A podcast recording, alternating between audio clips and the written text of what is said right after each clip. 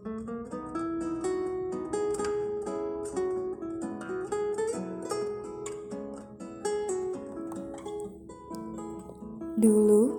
semasa saya merancang persiapan menuju kuliah, saya tuh excited banget karena ya bisa dibilang akan bertemu dengan kehidupan baru karena di situ saya akan ditantang untuk jauh dari keluarga. Ya, sebenarnya saya udah terbiasa jauh dari orang tua semasa SMP karena saat itu saya mondok dan ketika saya SMK pun saya harus sekolah di Jawa dan selama di Jawa, tiga tahun itu saya hanya bisa pulang satu kali. Jadi ya, saya nggak bimbang-bimbang banget ataupun takut karena bisa dikatakan sudah mandiri sejak dulu. Tapi bedanya, di masa kuliah ini, saya benar-benar akan hidup sendirian di sebuah ruangan yang kalau pulang kerja ataupun kuliah, Ya, jangan ngarep-ngarep akan ada makanan yang sudah dihidangkan deh. Tentu saja, semua keseharian tak lagi mengandalkan keluarga, mama, atau bahkan mbah yang dulu selalu cerewet kalau saya jarang makan. Namun sekarang, saya bisa aja seharian gak makan akibat kere di penghujung bulan. Dan kalian nih, para cost lovers, Pasti menu andalan ketika udah kelaparan tapi males keluar atau emang di dompet tinggal goceng doang. Makan Indomie adalah sahabat paling setia. Ya paling kayaknya kalau udah ditambah telur sama sayur sawi deh. Nikmat banget itu.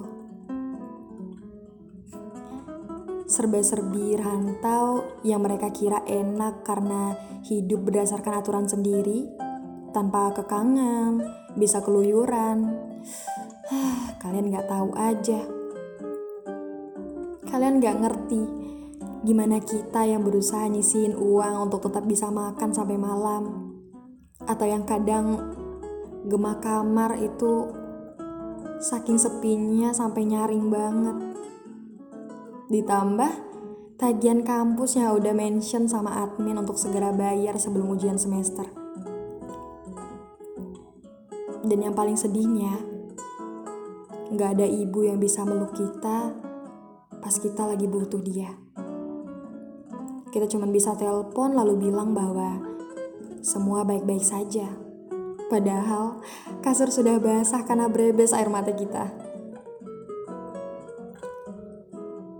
Makanya, anak kos tuh jangan dianggap sebelah mata. Apalagi saya sering banget dengar hujatan untuk anak kos kalau Ah, anak kos mah jarang mandi. Anak kos nih pasti berantakan deh.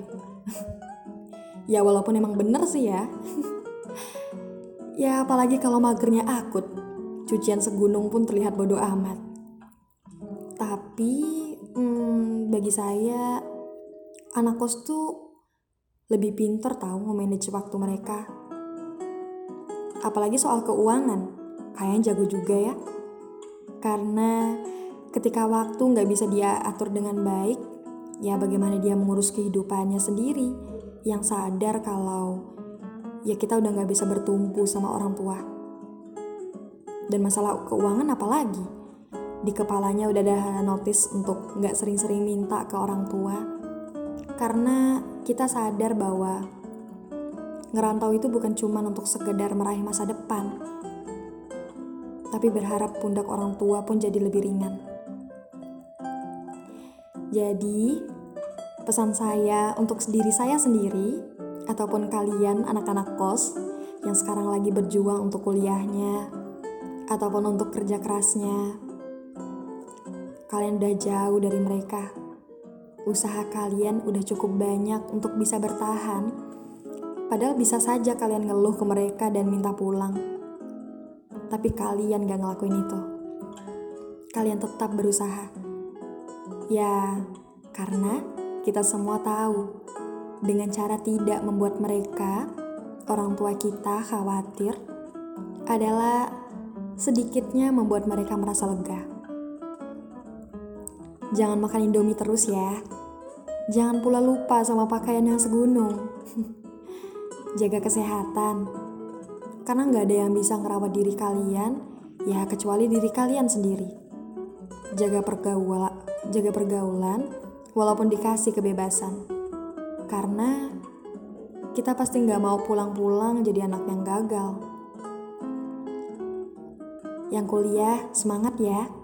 Yang kerja semangat pula. Semoga semua yang kalian usahakan tak berujung sia-sia.